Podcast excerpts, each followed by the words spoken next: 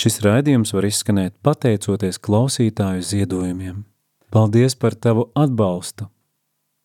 Salve Regina, Mater misericordiae, Raidījums Divmātes svētvietas. et spes nostra salve. Lūk, tava māte, Exules filii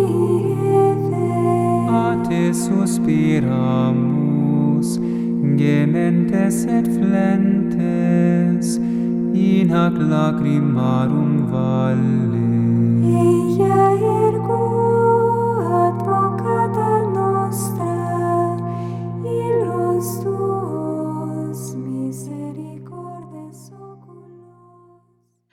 Slavēts Jēzus Kristus, uh, dargais radījuma arī Latvijas klausītāji, ar tevi kārtēju reizi ēterā raidījums Dievmātes svētvietas, un uh, šis raidījums izskan ierakstā, un patiesību sakot, tu to vari dzirdēt tikai viena iemesla pēc. Uh, Tāpēc, ka jūs ziedojat, darbie klausītāji, un mēs saņemam šos ziedojumus, un Radio Marija var pastāvēt tikai un vienīgi pateicoties jūsu dāsnajām sirdīm un jūsu ziedojumam. Jau kādu laiku, tad, tad Radio Marija ēterā ir šis raidījuma cikls Dievmātes svētvietas. Esam dzirdējuši daudz dažādu priesteru viedokli, un esam vēl ieplānojuši vēl arī daudz citas interesantas tikšanās, bet šis raidījums ir ierakstīts, tiek ierakstīts Liepājā, Liepājas studijā, un uh, decembra mēnesī, ja tu klausies atkārtojumā, tā tad mēs tev varam pateikt, dargais raģiom arī Latviju klausītāji, līdz Jēzus Kristus dzimšanai ir vien četras dienas atlikušas. Esam adventa laikā.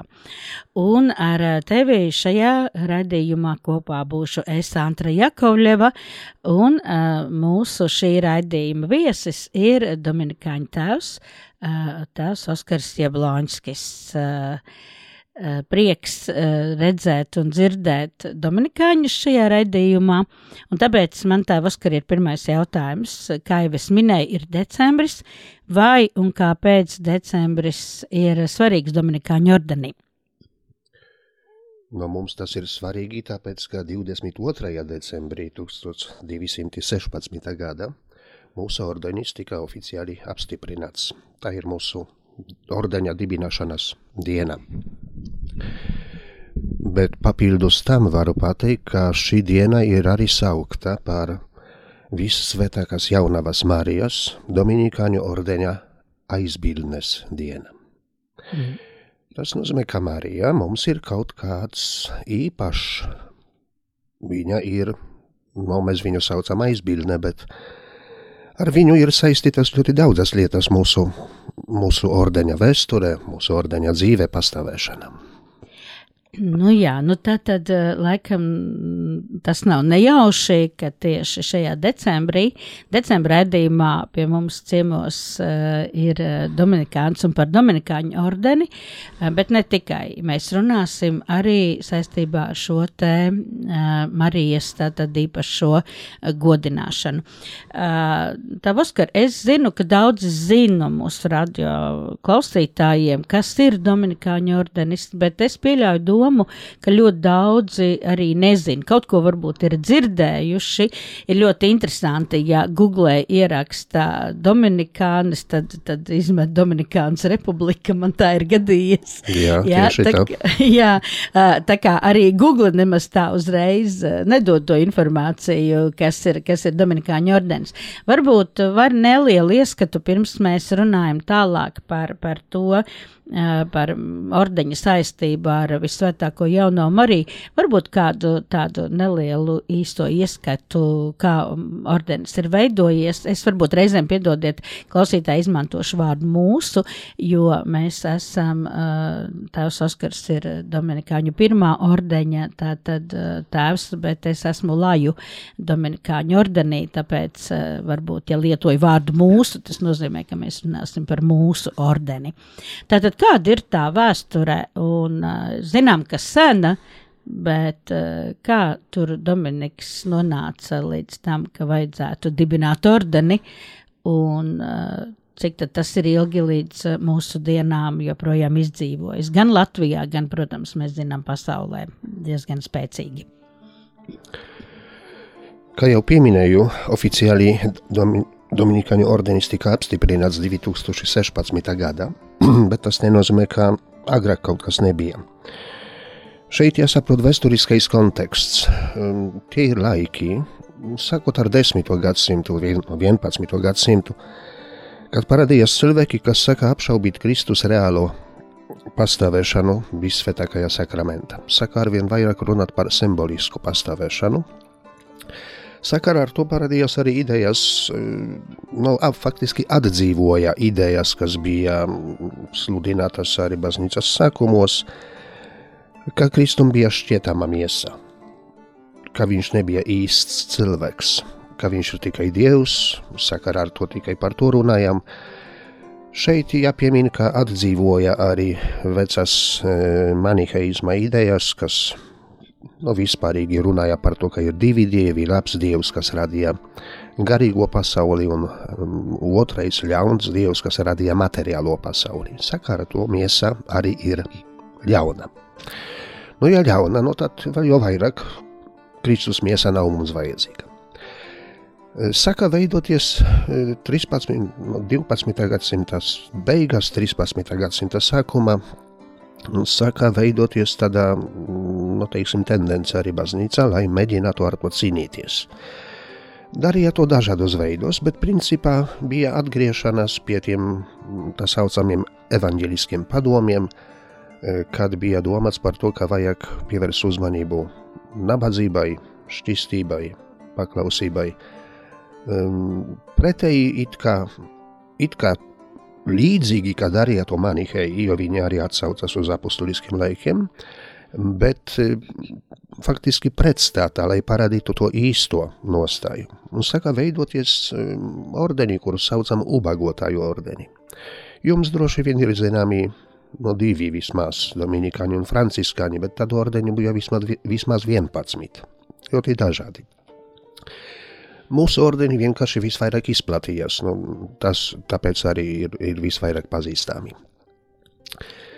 Un um, Dominiks, ko Dominiks darīja, nu, vi, viņš vispār no Spānijas piedzima apmēram 1170. gadā, bija kanonītis, bija ļoti labi izglītots cilvēks un palīdzēja vienam biskapam viņa uzdevumos, uh, gadījās, ka gāja cauri zemēm, kur bija tie manihieši, kurus sauca tur albīgieši no pilsētas Albi, viņam tur bija centrs. Tur tas vēsturiskais konteksts diezgan interesants ir. Katrā ziņā Dominiks saka viņam sludināt. Daudzus cilvēkus atgriežā, darīja daudzus tur zīmes, teiksim, brīnumus, pateicoties tam daudzi patiešām e, atgriežas atgriežas gan sievietes, gan vīrieši. Nu, ne visi, bet daudzi. No tiem bija pirmie, var teikt, brāļi, no tiem bija pirmās māsas, klosterīts, Pruīla, Dienvidfrancijā. Um, un saka, saka veidoties kaut kāda kopiena, kaut kāda grupa, kas palīdzēja Dominikam vai atbalstīja Dominiku viņa sludināšanā. Pirmais tāds centrs, kas mums bija, tā bija faktiski Tulūzā, no Francijas pilsētā. Tur bija tādi, var, var teikt, no it kā, it kā sākumi, pēc tam, protams, arī, kad izveidojās ordenis kā tāds, parādījās citi centri. Dominikāņiem bija tāda sistēma, ka apmetāmies um, lielās pilsētās principā, un tur caur ietekmi, caur mācību, intelektuālo ietekmi, tika savākti cilvēki, kas bija vai nu labi izglītoti, vai talantīgi, viņi bija apmācīti un tālāk varēja iet un cīnīties par baznīcas mācību. Tas nozīmē, cik vien var novērst visādas maldu mācības, cīnīties ar tiem tā saucam manihiešiem, pēc tam viņus sauca valdieši. Viņi tik un tā nav apkaroti līdz galam, jo Ziemeļitālijā viņam ir sava tur ielējā, kur viņi dzīvo. Bet, nu, kopumā var teikt, Franciskaņi, o tā var salīdzinot, franciskaņi izlēja savu ordeni kā tādu ūdeni, a mēs kā tādu šahu, šahu spēļu zirgs lekājām no pilsētas uz pilsētu. Bet pateicoties tam diezgan ātri e, nokļuva Dominikāni arī mm, Latvijas teritorijā. Jo mūsu pirmais klosteris Latvijas teritorijā tika oficiāli dibināts 1234. gadā. Tas nozīmē diezgan ātri pēc dibināšanas, ņemot vērā attālumus. Presidium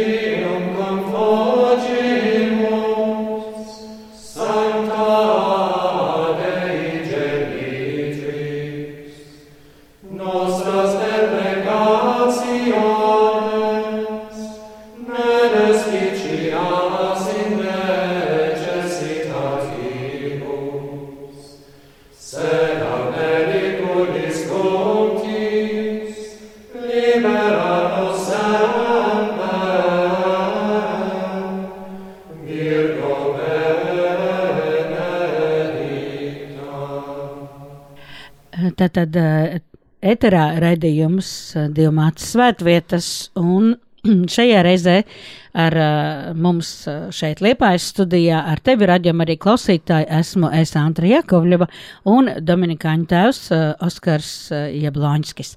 Uh, Tev, Oskar, mēs beidzām iepriekšējo mūsu sarunas uh, daļu ar to, ka uh, tu minēji par 22. decembri, kas ir uh, svarīgs datums uh, Dominikāņu ordenī, un tas ir saistīts ar Jaunavu Mariju. Tāpēc manis nākamais jautājums būs tāds. Uh, ļoti bieži, kad ar cilvēkiem runā, viņi saka, ka uh, jaunā Marija ir saistīta ar Dominikāņiem. Dominikāņi ir ļoti uzticami uh, visvētākajai jaunavai. Tāpēc mans jautājums uh, un mūsu sarunas nākamais posms būs par to, kāpēc un vai un kā, kāpēc Marijas, uh, Marijai ir tik ļoti liela loma uh, Dominikāņu ordeņu vēsturē un ne tikai vēsturē, protams, ka arī šodienas dzīvē. Tātad Marija un uh, Dominikāņi pasaulē vēsturiski. Uh, redzu, ka mums, uh, jūs, daļam arī klausītāji neredzat, bet uh, mums ir uh, arī uh, tā maskaram līdzi stāsti par, kas ir leģendas, un leģendas vispār man šķiet ir ļoti, ļoti uh, raksturīgas un, un ļoti daudz vēsturisku stāstu, jo neviena leģenda jau nav izdomājums. Galu galā tam ir arī uh, noteikti kaut kāds uh, patiesas pamatojums. Kā tur ir? Dominikāņi nerun- nerunā pārāk daudz par to, cik svarīga ir Marija viņu mm, ordeņi viņu dzīvē. Fakts ir, ka mums ir, piemēram, mm, katram dominikānim ir pienākums katru dienu lūgties rožu kroņi. Bet tā ir mūsu iekšējā, teiksim, normā. Speciāli par to nerunājam. Tomēr e, ir tādi teksti, kā pieminēja leģendas, e, kuras e, stāsta par to, kas patiešām bija. Šeit man es izlasīšu divas, manuprāt, ļoti interesantas un svarīgas, kuras uz kaut ko norāda, mm, ko redzēja Dominiks, kā viņš to izjūta un ko, ko pēc tam domāja par to brāli. Bet konteksts sākumā, ir saprotams, visi zinām, ka ir tāda lūkšana tavā patvērumā. Viņa ir no 3. gadsimta laikam vai 4. gadsimta, un eh, interesanti pamanīt, ka mm, gan cisterciešu, gan dominikāņu tekstos e, parādījās e, diezgan daudz tekstu, kas komentēja šo lūkšanu, tavā patvērumā. Mm. Tie divi ordeņi kaut kā īpašā veidā e, redzēja sevi, kā Marija viņus īpaši sargā. Šeit e, jāpiemin Bernards no Klervo, tas ir cistercietis, izcils Marijas godinātais, sludinātais cilvēks, kas bija tajā laikā. Nu, viņš dzīvoja agrāk. Bet viņš tieši ļoti, ļoti daudz runāja par Mariju, tieši cistercietis. Bet arī Dominikāni par to domāja, un šeit ir ļoti interesantas tādas nu, divas, teiksim, um, leģendas, kuras uzrakstīja Masa Cecīlija. Masa Cecīlija pie, piedzima 1201. gadā apmēram, nomira 1290. gadā. Viņa pirmā, var teikt, aprakstīja, no, ne pirmā, varbūt ne gluži pirmā, bet viena no tām, kuras aprakstīja Dominika dzīvi, visādus notikumus no viņa dzīves. Zinām, ka Dominiks klosteris bija pie Svētās, pie Siksta baznīcas. Māsām bija klosteris, zinām no viņas tekstiem, ka Dominiks gāja pie māsām, sludināja viņiem, visu kaut ko stāstīja. Tātad varam pieņemt, ka stāstīja arī par savām vīzijām, par to, ko viņš vai saprātā, vai izjūta. Un ir tāda interesanta šeit pirmā, lai būtu leģenda. Kadreiz Svētais Dominiks nakšņoja lūkšanā baznīca. Domīgs vispār ļoti bieži lūdzas par naktīm. Pusnaktī viņš izgāja no baznīcas un pabeidza mm, darbu, mm, priekš kuras izgāja no baznīcas, aizgāja lūgties mm, tādā vietā, kur brāļi visi kopā gulēja. Līdz 14. gadsimtam, 14. gadsimtam brāļi gulēja vienā lielā telpā dormitorium saucas. Un viņš tur vienkārši tajā priekštelpā, teiksim, lūdzas, pamanīja, ka tajā vietā atnāca trīs cienīgas sievietes, kuras bija ļoti skaistas. Tā, kurā bija pa vidu, bija īpaši skaista un tādā cieņas pilna. Viena no tām divām pārējām nesa ļoti skaistu trauku, otra nesa slotiņu, kuras laiku pa laikam deva tai kundzei, kas bija pa vidu. Bet viņa vienkārši gāja un pie katra brāļa apstājās, apslacīja viņu ar svētīto ūdeni un pārkrustīja. Pie katra brāļa gāja pēc kārtas, bet vienu tomēr nepasvetīja. Dominiks skatās, kas te notiek, cenšas atcerēties, kurš tas bija, viņš pārtrauca savu lūgšanu, piegāja pie tās kundzes, nokrita viņai pie kājām un saka lūgt, lai viņa pateiktu, kas viņa ir. Bet faktiski viņš pats jau zināja, kas viņa ir. Tajā laikā klosteros vēl nebija dziedāta skaista un dievbijīga antifona, kas sākas ar vārdiem Salve Regina. Vienīgi bija lūgta uz ceļiem esot. Viņa teica, es esmu tā, kuru jūs piesaucat katru vakaru, kad jūs sakat eja ergo advokāta nostra. Tas nozīmē, tu mūsu aizbildne, aizstāvēja. Jo tad es kritu uz vaigā mana dēla priekšā, lai viņš sargātu šo ordeni. Tad Dominiks pajautāja, kas ir tas divas velcītas kundzes? Tad viņa atbildēja, tā ir Cecīlija un Katrīna. Cecīlija, kuru nesen pieminējām, Katrīna no Aleksandrijas. Viņš tad pajautāja, kāpēc viņa nepasvetīja šo brāli. Viņa teica, jo viņš negodīgi dzīvo. Pēc tam vēl pārējos pasvetīja un izzuda. Interesanta liecība, ka Marija krīt Jēzus Kristus priekšā visu laiku uz vaiga, lai mm. aizlūgtu par mūsu ordeni. Un mums tas viss ir, teiksim, iekšā mēs par to atceramies. Otrā leģenda ļoti interesanta. Dominiks atgriežas no lūkšanas un lūk tika aizrauts garā pie dieva. Redzēja kungu, redzēja svēto jaunavu, kas sēdēja viņa labā pusē. Viņam liekas, ka viņa bija apsekta ar kādu meteli, kas bija zila krāsa. Svētais Domīgs paskatījās apkārt un redzēja, ka Dieva priekšā stāv sve, pestīties svētie no visiem ordeņiem, tomēr no sava ordeņa neredzēja pilnīgi nevienu. Viņš saka gauži raudāt, un stāvē, stāvēja tālu, ne domājot, ka viņš nav cienīgs pietuvoties pie kunga un viņa mātes. Tad jaunava Marija ar galvu viņam pamāja, lai viņš pienāktu tuvāk. Viņš tomēr neatnāca. Tikai tad, kad pats kungs viņu pasaucā, viņš atnāca, nokrītā viņu priekšā ļoti raudājot. Kungs viņam lika piecelties. Kad viņš pieceļās, jautāja, kāpēc tu raud? Es raudu tāpēc, ka redzu cilvēkus no visiem ordeņiem, bet no manā ordeņa šeit nav neviena. Tad kungs viņam teica, vai tu gribi ieraudzīt, kur ir tavs ordenis? Tad Dominiks ar trīcēm, jā, kungs. Tad kungs nolika savu roku uz jaunavas Marijas meteļa un teica Dominikam, es savu ordeņu uzticēju tavai mātei. Un redz, pielika, vai tu gribi viņu redzēt?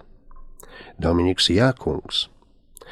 Tad Marija izstiepā to savu meteļi Dominika priekšā. Šis metelis bija tik liels, ka šķietā apņemt visu debesu tēviju. Un tad zem tā meteļa Dominiks ieraudzīja neskaitāmu brāļu daudzumu. Tad svētais Dominiks atkal nokrita uz vaiga, pateicas Dievam un vissvētākajai jaunavai Marijai. Tad šis redzējums izzuda. Dominiks atgriežas atri un piezvanīja, lai brāļi celtos uz laudes lūkšanu.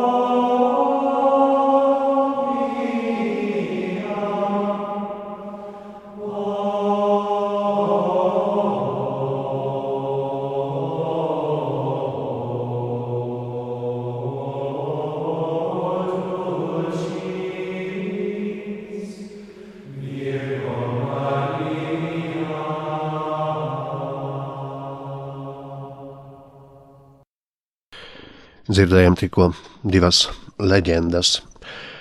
Viņas stāstā par ļoti svarīgu lietu. Pirmā bija par to, ka Marija katru no brāļiem īpaši svētā, katru to, kurš godīgi dzīvo. Un otra bija par to, ka Marija sargā mūsu ordeni. Viņa patiešām ir tā, kurai ir uzticēts ordenis kā tāds. Bija tur pieminēta arī tāda lietiņā, ka tajā laikā brāļi nedziedāja vēl antifonu salve regina.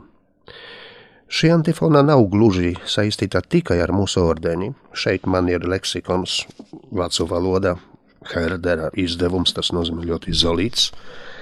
Un te ir pieminēts, ka 12. un 13. gadsimta dažādas tas ant Marijas antifonas arvien vairāk bija izmantotas lūkšanas.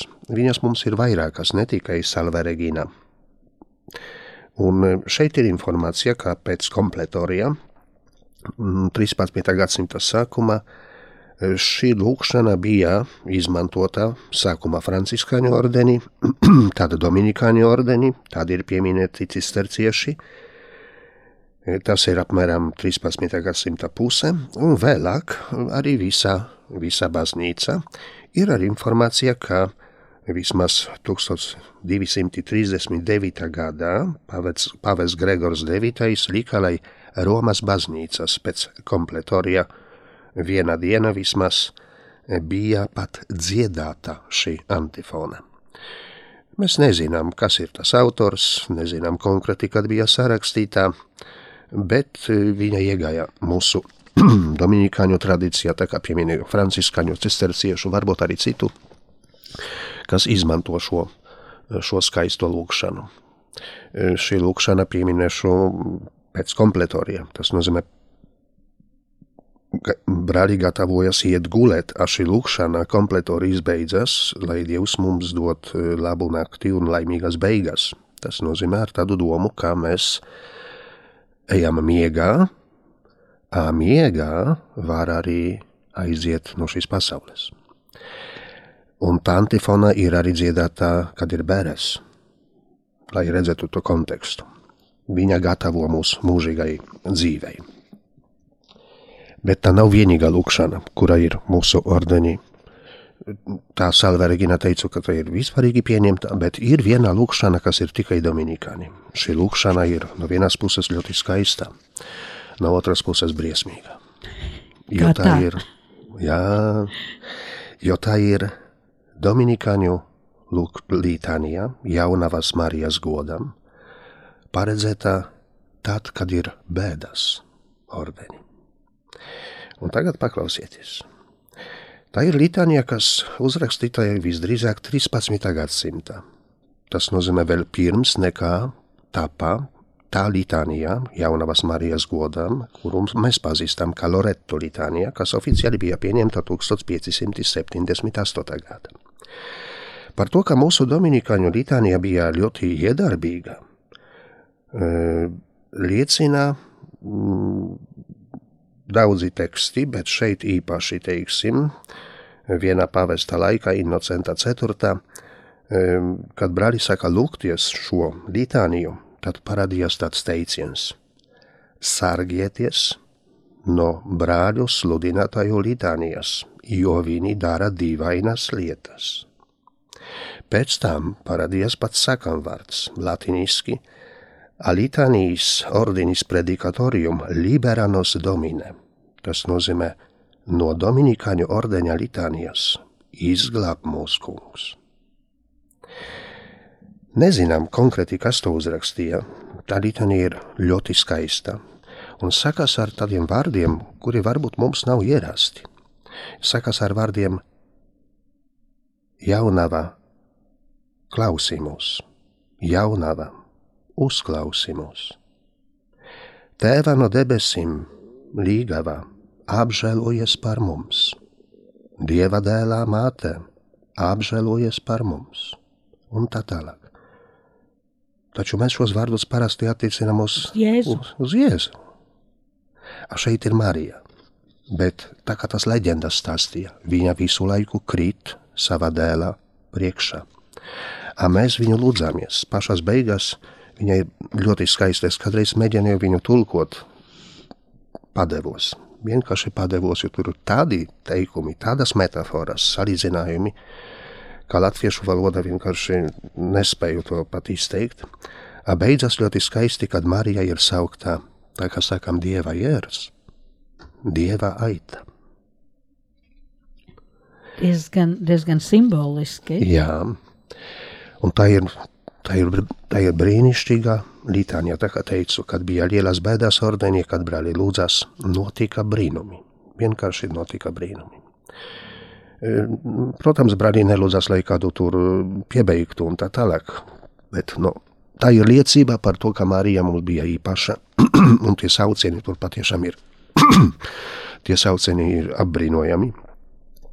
Un parāda uz to iekšējo mūsu garīgumu, ka Marija mums bija, bija, bija, ir un būs patiešām īpaša, kaut gan mēs varbūt par maz, varbūt par maz par viņu stāstam. Jā, es klausoties, domāju, mēs arī šobrīd dzīvojam ļoti īpašā un dīvainā laikā. Uh, varbūt būtu vērts šo litāniju lūgties, jo bēdu laiks uh, ir, ir šobrīd pasaulē ļoti daudzās vietās, un, un, un, un mums uh, katru dienu vajadzētu domāt par savu atgriešanos un, un stāšanos Dieva, uh, Dieva tiesas priekšā, bet es domāju, ka tas, kas šobrīd notiek, varbūt, ka ir vērts dot jaunu, jaunu elpu šai litānijai. Šī litānija bija paredzēta, kad ordenim bija bēdas. Jo normāli lab, vislabākā lūkšana, kāda mums ir, ir svētā mise. Tā ir galvenā lūkšana, kas palīdz mums apzināties, kas mēs esam un tā tālāk. Ir arī daudzas citas, pieminēta tava patvērumā un tā tālāk. Cenšamies atcerēties, lai būtu Dieva priekšā. At šī litānija bija tad, kad ordenim, Orde- kaut, ordeņam. ordenim kaut kas īpaši draudēja. Tādi brīži viss kaut kur varēja būt un bija. Nu, cik daudz brāļi atcerējās par to lūkšanu, to es nevaru pateikt, bet es domāju, ka noteikti lūdzas. Ir arī cita lūkšana, par kuru vēlāk varbūt parunāsim, tas ir rožu kronis, kas pēc tra- tradīcijas ir saistīts ar Dominikāņu ordeni. No tā ir domas, vēlāk pastāstīšu, kā tas viss varbūt veidojas. Ehm, Rožu kroni visi zina, varam lūgties un lūdzamies. Aicinu par to atcerēties. Tā ir vienkārša lūkšana, no vienas puses vienkārša, bet e, kādreiz rožu kronis izskatījās drusku citādāk nekā mums tagad liekas. Para, pastāstīšu, kā tur bija, un tad varēsim redzēt, ko var, kā var pārdomāt to, kas, kas par ko runā vispār ar rožu kronis mums tas saistīts ar kādiem tur noslēpumiem un tā tālāk. Jā, no vienas puses jā, bet tur ir daudz, daudz vairāk. Vismaz bija. Tagad maz par to ir pieminēts, bet mūsu dominikāņu tradīcijā ir pastāstītas īpašas lietas par ordeni, par eh, rožu kroni pašu.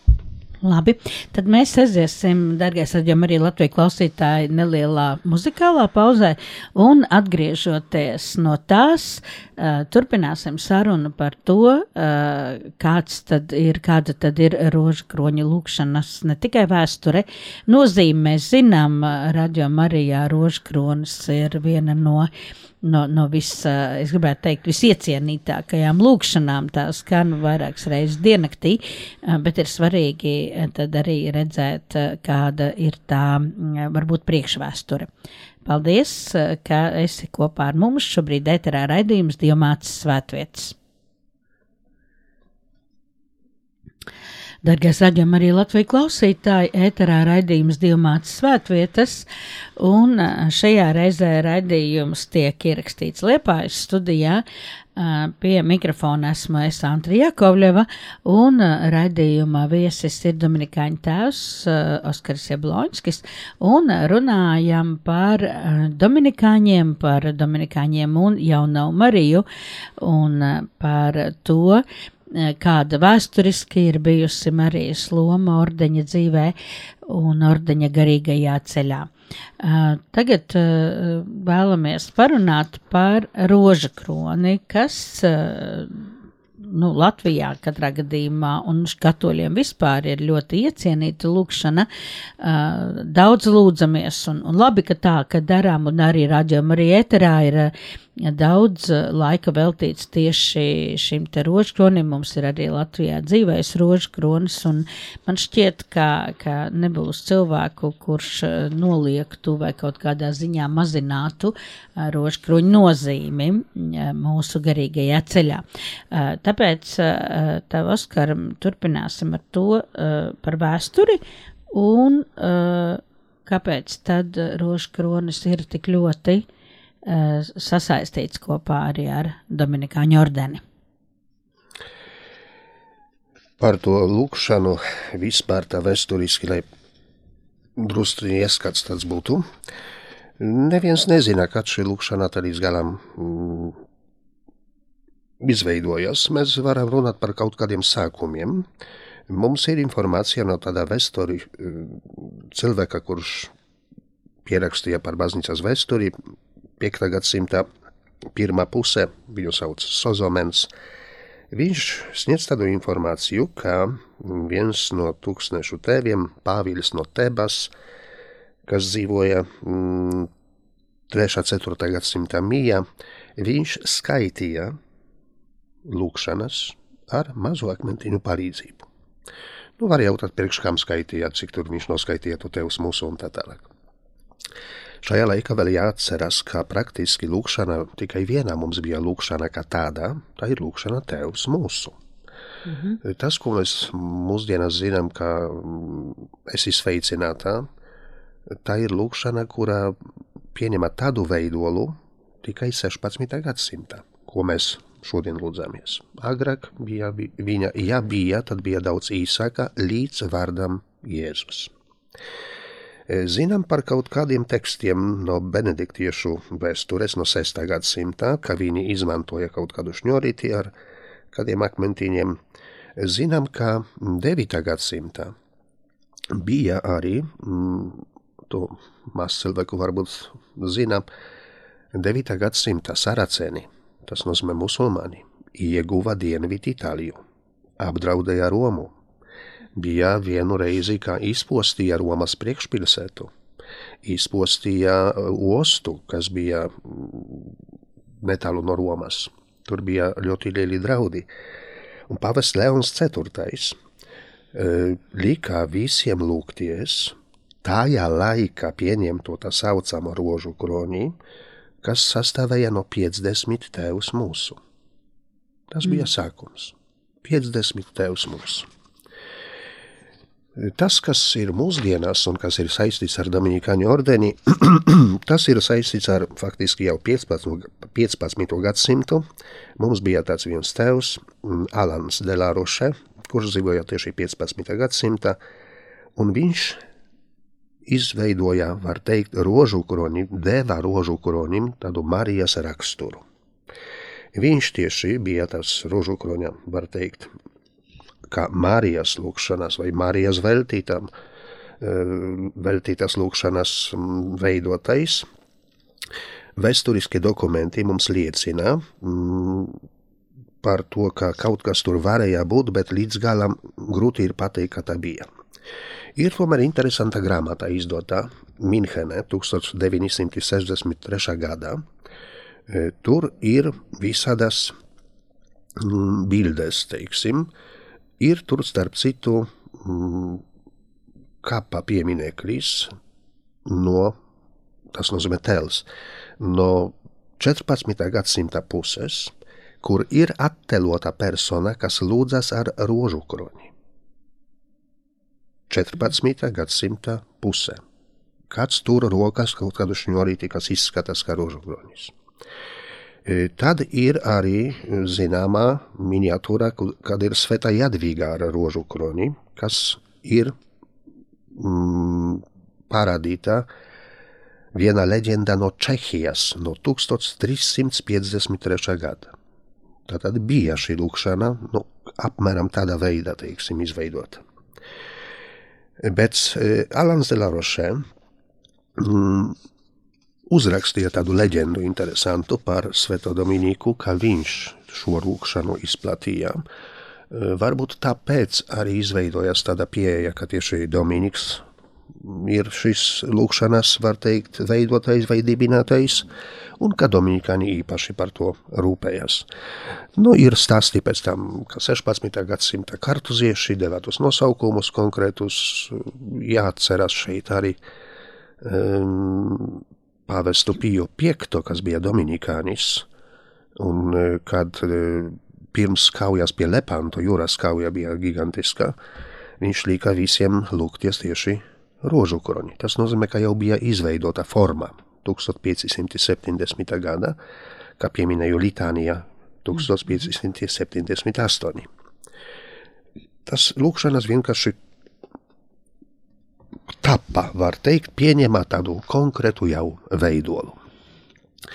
Un šeit ir pieminēta Alana de la Roche ļoti interesanta leģenda tieši par Sveto Dominiku, kur ir kopumā teikts, kā izskatījās, tā kā viņš stāstīja, kā varēja izskatīties vai arī izskatījās rožu kronis. Šeit jāņem vērā, ka tas rožu kronis sakotnēji bija domāts cilvēkiem, kas neraksta un nelasa. Tas nozīmē, vajadzēja kaut kādus tēlus. Mums tie rožu kroni mūsdienās ir tādi, var teikt, pliki. Nu vienkārši tu ņem un bīdī tas visas lietas. Viņas ir vienādas. Dažreiz ir kaut kas greznots. Alans pastāsta ļoti interesantas lietas par, par šiem, mm -hmm. Par šiem visādiem, visādām detaļām, bet tā kā nemācītiem cilvēkiem, tad vajadzēja, lai viņi rokā turētu kaut ko, kas viņam uzreiz vizuāli par kaut ko stāsta. Tajā laikā vēl nebija tos nosaukumus, kā mūsdienās pirmais noslēpums tāds un tāds, otrais tāds un tāds. Ne, bija drusku citādāk citādākā sistēma. Es domāju, ka Latvijā neviens par to nekad nav stāstījis. Varbūt kāds stāstīja, tikai visu aizmirsam. Tad ir vērts atkārtot, vai izdzirdēt no jauna. Vai izdzirdēt no jauna, vai vispār pirmo reizi dzīvē. Mm -hmm. Dzīvoja Itālijā kāds Dišcils kungs, kuram bija vārds Bartolomejs, viņš bija visiem pazīstams ar savu varenību grēkiem un negodīgumu. Viņš kādreiz piegāja pie grēksūdzes, pie Svētā Dominika, jo viņš tur atnāca sludināt Dieva vārdu. Viņam bija tāda ierāža tam Bartolomejam iet pie grēksūdzes, pie slaveniem un mācītiem vīriem, visdrīzāk tāpēc, ka viņš bija piepildīts ar lepnību, vai arī mm, bija zinkārīgs, ko viņi viņam pateiks. Tie viņam dažreiz jā, piekrita, nepēla viņa nedarbus, kas, diemžēl, kā Alans šeit piemin, dažreiz dara lielkungu bikstēvi. Mm -hmm. Svētais Dominiks uzreiz atpazina, ka Bartolomejs nekad, ne, nekad neizsudzēja savus grekus pareizā veidā. Jo viņš mēdzā, tas Bartolomejs, citiem bikstēviem, un atkal Alans to piemin, daudzi tagad šādā veidā iet pie bikts, ka viņš pastāstīja tik vien putas no saviem grēkiem. Mm -hmm. Bet nerunāja to, kas patiešām tur iekšā ir. Dominikam bija īpaša žēlastība, ka viņš redzēja cilvēku sirdsapziņas un viņu grēkus, pie grēksudzes, protams. E, viņš izjūta, ka kaut kas nav kārtībā, ieraudzīja daudzus grēkus, e, kas bija tajā cilvēkā, un deva viņam pamācību, Tas patiešām nožēloja beidzot savus grēkus un saņēma no Dominika gandarīšanu. Katru dienu lūgties jaunavas Marijas psaltēri. Ko tas nozīmē? Tas nozīmē tieši šo rožu kroni. Mums ir tagad četri, četras daļas, bija trīs daļas, 150, 150 psalmi. Tāpēc psalterijas, psalmu grāmata. Mm.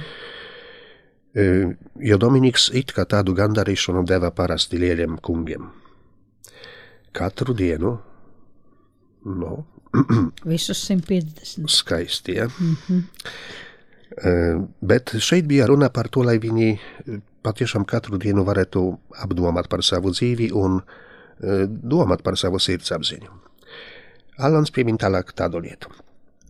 Viņš deva viņam šo psalteriju, tā saucamu, kas bija izveidota no 150 mazām zīlītēm un 15 lielām, kas atdalīja katru desmitnieku, tā kā ir mūsdienās izveidots rožu kronis. Tajās e, 15, 15 lielas zīlītes bija lūkšana Tevs mūsu, tā, lai redzot tas zīlītes, varētu domāt par saviem grēkiem, slavēt Dieva žēlastību un labvēlību, domāt par Kristus iemiesošanas un ciešanām, domāt par svēto godu un par to, kas ir elle ciešanām.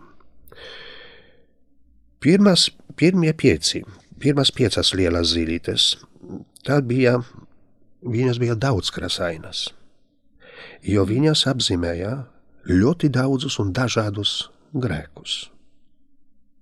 Inter, Piecas. interesanta ideja. Jā, Dažas, dažādas krāsas, lai tu redzētu katru lai atšķirtu. Jā, kad tie greki daudzveidīgi, teiksim.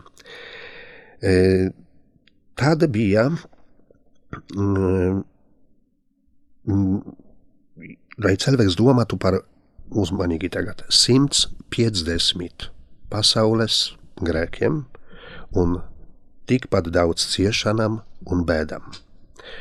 Tālāk bija balta daļa, kas apzīmēja nāvi un 150 to draudiem. Tāda bija sarkana daļa, lai atcerētos par tiesu, gan to personīgo, gan vispārējo, un 150 šausmām ar to saistīta. Ceturtā daļa bija melna, jo atgādināja par elli, un 150 vispārīgam, vispārīgiem sodiem. Piektais bija zelts, zelta krāsa, lai apzīmētu debesu godību un 150 to prieku. Tad bija mm, daļiņa, kur bija viena zīle liela, kur bija Marija ar bērnu attēlota. Atgādināja par Kristus iemiesošanos un 150 Marijas priekus. Tad bija em, krustiņš, kad atgādināja par Kristus ciešanām un 150 augļiem. Tad bija gredzens, kas atgādināja par to, ka Marija pilnīgi sevi veltīja Dievam. Tad bija jērs, kas atgādināja par Dieva žēlsirdību. Tad bija arī akmentiņš vai zīlīte ar Kristus attēlu uz Veronikas tur Sviedrauta. sviedrauta, ja? E, kas bija it kā, vēl tur bija saules stāriņi, it kā, e, lai atgādinātu par to, ka ir 150 svētības, kas nāk mums no svētājiem, jo viņi skatās, kāds ir Kristus. Tad vēl bija zīlīte, kur bija kā abolis, kad atgādināja par paradīzi. Tāda bija tukšs, tukša krūze vai alabastra trauks, kad, kas atgādināja par svēto relikvijām. Tāda bija atslēga, kas atgādināja par to, ka Kristus atvēra debesu, mm, elles vārtus un debesu vārtus. Tad bija arī denārijas ar Jēzus vārdu, kas atgādināja par svēto evaharistiju, par, par svēto misiju, visu svētāko sakramentu. Un tad bija alabastra akmentiņš, kas atgādināja par sakramentiem.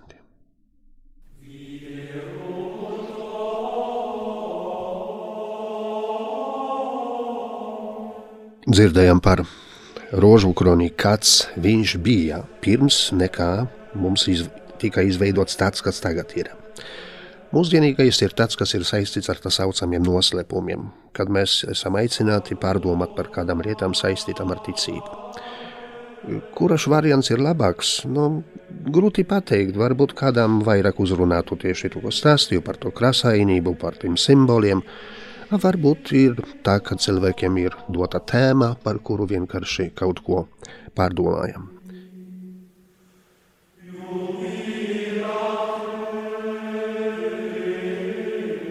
Šī raidījuma turpinājumu klausieties 24. janvārī, pulksten 8. vakarā. Salve Regina, Mater misericordiae, vita dulcedo, et spes nostra salve. Tu klausījies raidījumu Dilmātes svētvietas. Paldies par tavu atbalstu Radio Marija Latvija. Gementes et flentes in hac lacrimarum valles. Ella ergo advocata nostra, illos tuos misericordia.